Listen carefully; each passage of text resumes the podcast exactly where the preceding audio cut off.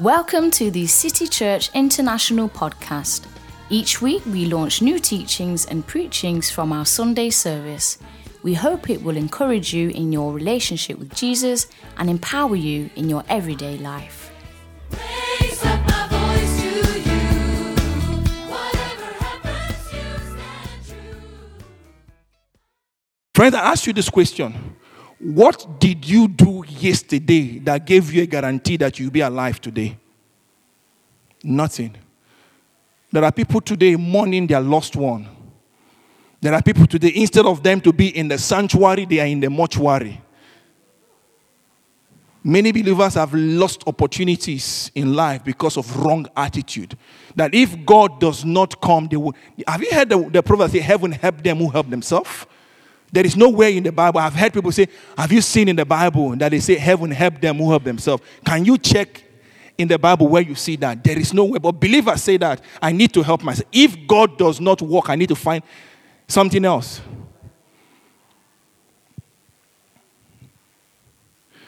Friends, we must keep the right attitude despite anything. Why do I need the right attitude? Why do I need the right attitude? Number one, result. You need right attitude to get right result. Luke chapter 19, verse 13 to 17. I'm going to I'm going to shorten this a little bit. It's a story about the ten servant. The ten servant who the man gave different talents to them. The Bible says one went and sold his talent and came back. The second one went, sold the talent and came back. The third one went and hid his talent. And when the master came, he said, Because I know that you are a wicked master. You sow from where you did not reap. That's why I did not do anything with my talent. Friends, don't compare yourself with any other person. The Bible says those who compare themselves with themselves are fools. Each and every one of us have a talent that God has given us. You have not discovered you. The problem about you is that you have not discovered you. When you discover you, you'll be surprised of what you can do. What you can do. Those other servants could have said that they would not do nothing with their own talent and still come back that they didn't have enough. Some of us, the problem we have, there are people here who are sitting down and telling themselves, I don't have enough education. That's why I'm where I am today. But you can get an education. In this nation, it is free. I have a brother here who does not know Swedish, but he has passed one of the best exams in Sweden here. He was so determined. He was so determined with the right attitude that he will make it. If any other person will make it, he will make it. Attitude will bring right result. Why do I need the right attitude? Number two, breakthrough. There are certain breakthrough in life that you will never have unless you persevere. Unless you persevere, unless you are resilient, I will not let you go unless you bless me. Genesis chapter 32. Genesis chapter 32, verse 24 to 28. And Jacob was left alone, and there wrestled a man with him until the breaking of the day. And when he saw that he prevailed not against him, he touched the hollow of his thigh. And the hollow of Jacob's thigh was out of joint, and he wrestled with him. And he said, Let me go, for the day breaketh. And he said, I will not let thee go, except thou bless me. And he said unto him, What is thy name? And he said, Jacob. And he said, Thy name shall be called no more Jacob, but Israel, for a prince that has thou had power with God and with men and has prevailed. Friend, you and I must have an attitude of never giving up. Never giving up. If the man who did electricity had given up, maybe we would not have this kind of electricity we had. He persevered. He persevered. Jacob became a nation. Every time I read the story, friend, have you ever had a broken part of your body before? And the Bible says the hollow part of his hip was removed. Have you feel, felt pain before? I had broken my shoulders. I knew how pain is. How painful. I had broken part of my leg playing football. I know how it means. And Jacob was still fighting with an end. He saw an opportunity. Most of you, you have left certain opportunity because you were not able to prevail. You were not able to persevere. You were not able to be resilient. That no, this thing I must get it. No matter what, Lord, I give me the grace to run to the end with it.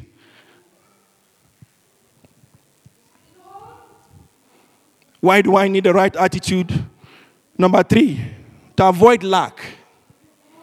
Proverbs chapter 6, verse 6 to 11.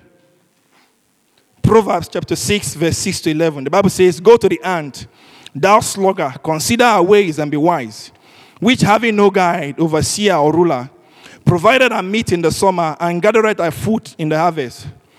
How long wilt thou sleep, O sluggard? When wilt thou arise out of thy sleep? Yet a little sleep, a little slumber, a little folding of the hand to sleep. So shall thy poverty come as one that travelleth, and thy want as an armed man. The Bible says, Go to the ant and learn, who are always preparing. Most believers today, their problem is not that they cannot do anything, it's a problem of procrastination. Procrastination. I will do it next year. I will do it next the following year. I will do it the following year after the following year. There are people who have been procrastinating. Since the Lord told us in this ministry, add value to yourself. We have people in this ministry who have gone back to school and today they have a better job, they've bought houses, they're living much more better. But there are those who heard the same message from when that message came up till now, they are still saying, I will do it the next year, I will do it the next year. I will do it the next year. For you to avoid lack in life, you need to have the right attitude, a positive attitude, a prevailing attitude.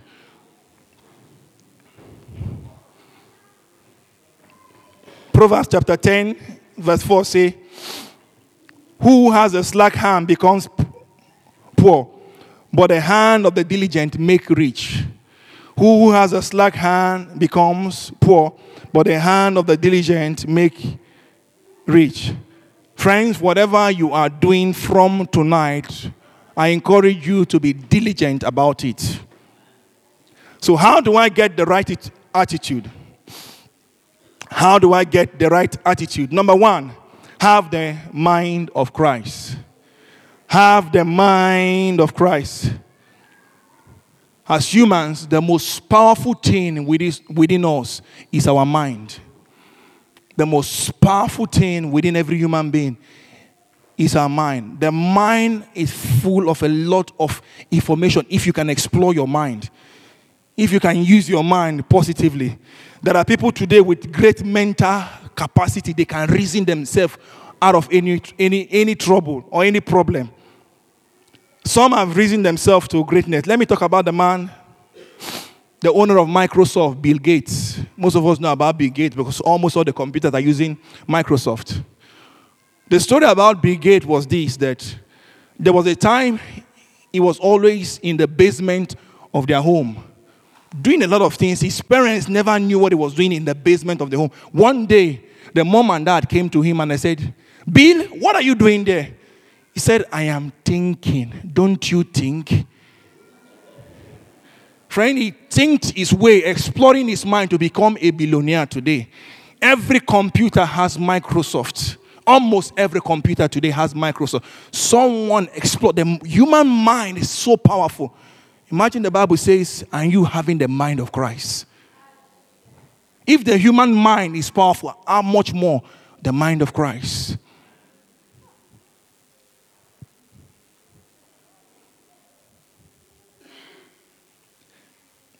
How do I get the right attitude?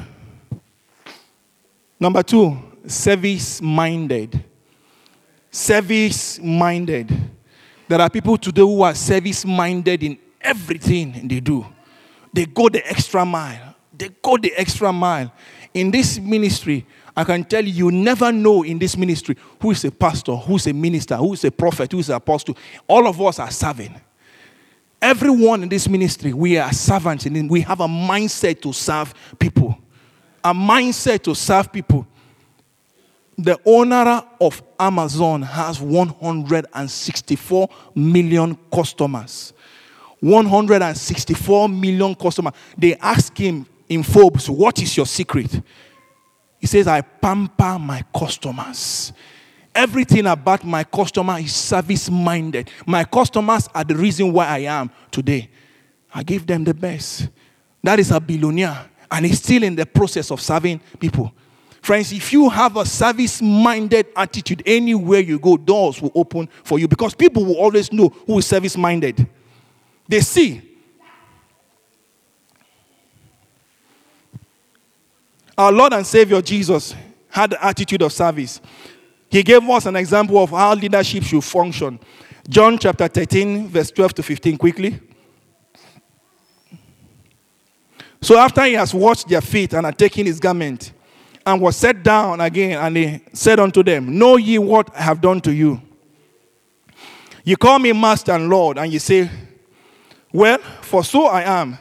If then your, your master, your Lord and Master, have washed your feet, ye also to wash another's feet. For I have given you an example that you should do as I have done to you. The act of feet washing anywhere is simply the act of being flexible and bending in service to people. Leadership is an act of service. If you are in leadership, you must learn to serve people. You must learn, you must have the attitude of serving people. Our senior pastor here, you will never know he's a senior pastor unless he tells you he's a senior pastor. I remember when a minister of God came in here after one Sunday service and met both of us. You know what we were doing? We took off our suit and we were cleaning the church. And we were cleaning the church. After we cleaned the church, you know what the pastor did? He, he took his suit and he said, Where? I couldn't wear. He's a small man, but a giant in the spirit. My hand couldn't even go through the suit. But he said, Today I give you the mantle. I give you my mantle. My armor becomes your armor. As you have served with me wholeheartedly, that's the way we will serve together. Leadership is all about service. Friends, have a service minded attitude, even in your workplace. Even in your workplace. I have a brother that is here today. He's my boss in the company. But he never, you, you will never know he's the boss of the company. He comes and he works more than every other person. Some people will just come and just point your hand. You do that, you do this, you do that. But he's not faking it because that is his attitude of service minded. How do I get the right attitude, right thinking? You cannot think poor and be rich. It's impossible. It's impossible. You can't confess poor and be, and be rich. You can't think sick and be well. These things are impossible. Proverbs chapter 23, verse 7. The Bible says, For as he thinks in his heart, so is it. For as he thinketh in his heart, so is it. Friends, there is no one that would think lazy and work hard. It's impossible because, see, your thought pattern determines your response, it determines your attitude. Your thought pattern determines your life pattern, determines how you act.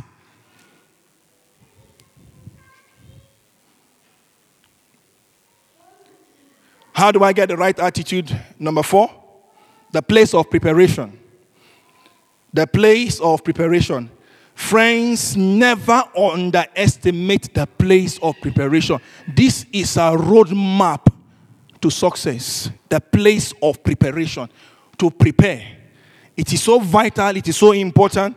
Look at what the Bible says. It says in Luke chapter 14, verse 28, it says, For which of you intending to build a tower, seated not down first and counted the cost, whether he has sufficiency to finish it. Before you go into any business or into any venture, even into education, why don't you sit down and find enough information? Find enough information and plan. See, when you are planning, even when you make a mistake, you still go back to the original plan because that is your roadmap to success. Proverbs 16:1 says, The preparations of the heart in man, and the answer of the tongue is from the Lord. Second Chronicles chapter 27, verse 6 says, So Jotham became mighty because he prepared his way before the Lord his God. Preparation will bring greatness to you if only you can pay the price, if only you can have the right attitude, right thinking, right mindset. So, what is the benefit of having the right attitude? There are many benefits, but I talk with, I will talk about only one benefit today. Promotion. Proverbs chapter 22, verse 29. Benefit of right attitude, promotion. The Bible says, Seer thou a man diligent in his business. He shall stand before king, he shall not stand before mean men. For you to climb high in any endeavor of life, you must have a diligent attitude. A di- There are people today, because of their diligence in life, they, are, they can walk into the parliament, they can go to sing, see the king of this nation because of their diligence. They have no name before them, but they have diligence in front of them. Diligence is a universal currency that will pay anywhere in the same world. If you can be diligent to whatever you are doing now, friend, you will see success come to you. You will see promotion come to you. Please stand to your feet.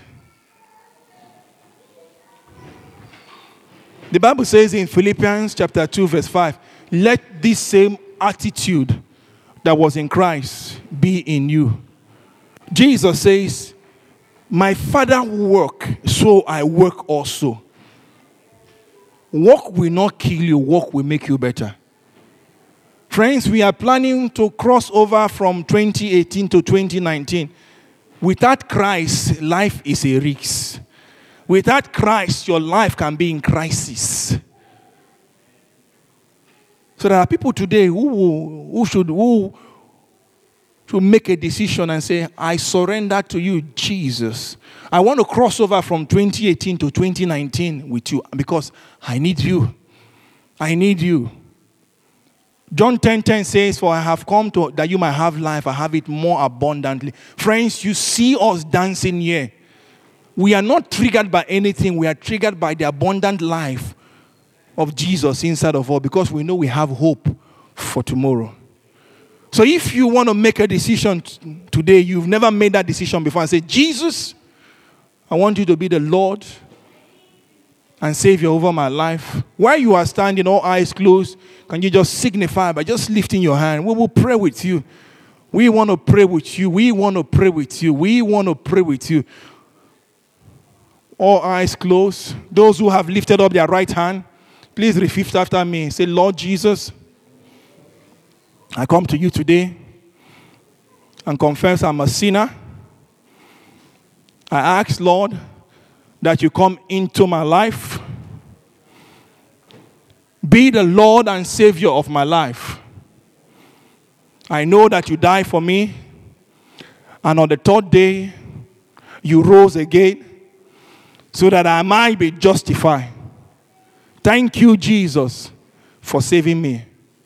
Now I know that I'm born again, I am saved, I am the righteousness of God in Christ Jesus. Thank you for the grace to walk this journey with you. Amen. Amen. Friends, you cannot get out of what you are not willing to put anything in. Please give us the prophetic word for 2019. 2019, the year of manifesting Christ. Amen. 2019, the year of manifesting Christ. Amen. We need to walk out of this door. The Bible says, and they look and they took note of Peter, John, and James, and said, These ones are unlearned men, but they have sat with Jesus. Gamaliel was the most learned man at that time. Gamaliel, that was the teacher of Apostle Paul. No wonder Apostle Paul was the most brilliant apostle. But Gamaliel could not beat the apostles of Jesus mouth to mouth with any word because they had been with Jesus. No one should be able to beat you in any endeavor in 2019. So put your hand on your chest, say 2019, my year of manifesting Christ. 2019, my year of manifesting Christ. 2019, my year of manifesting Christ. 2019, my year of manifesting Christ.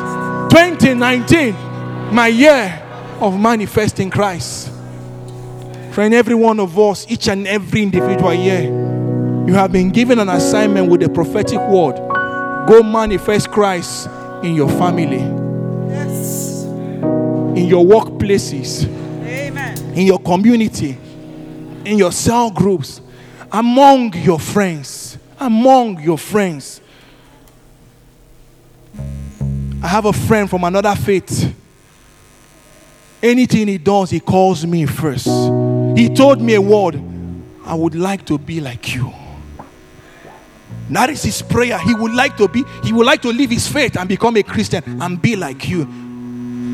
Simply saying Jesus. Simply saying Jesus. Galatians chapter 2, verse 20. We're going to pray for a few minutes before we give our offering. Galatians chapter 2, verse 20. The Bible says, I have been crucified with Christ. It is no longer I who live, but Christ lives in me. And the life which I now live in the flesh, I live by the faith in the Son of God who loves me and gave himself for me. So go ahead and, and lift up your hand and say, Jesus, I lay my life on the altar today. I want to be like you. I want to manifest you. The same way Apostle Paul says, I have been crucified with Christ. It is no longer I who live, but Christ that lives in me.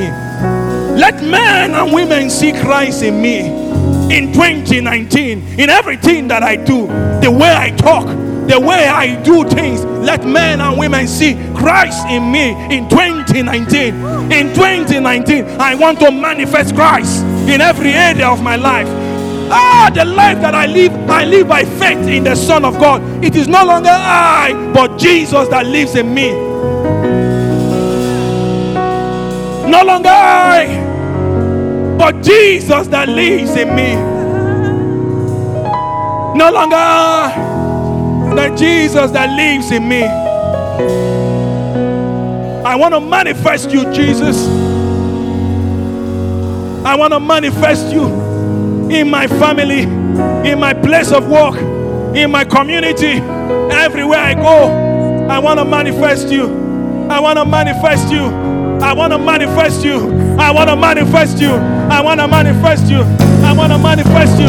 I want to manifest you. I want to manifest you, Jesus. My year of manifesting Christ. Thank you, Jesus. Thank you, Jesus. Thank you, Jesus. Thank you, Jesus.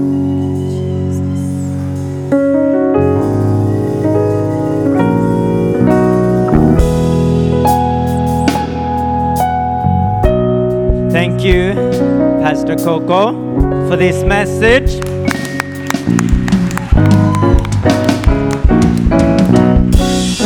I believe that the word which went out today through Pastor Coco is able to pull down strongholds, which is lies from the devil. And now, do not go back believing in li- these lies again, but move forward.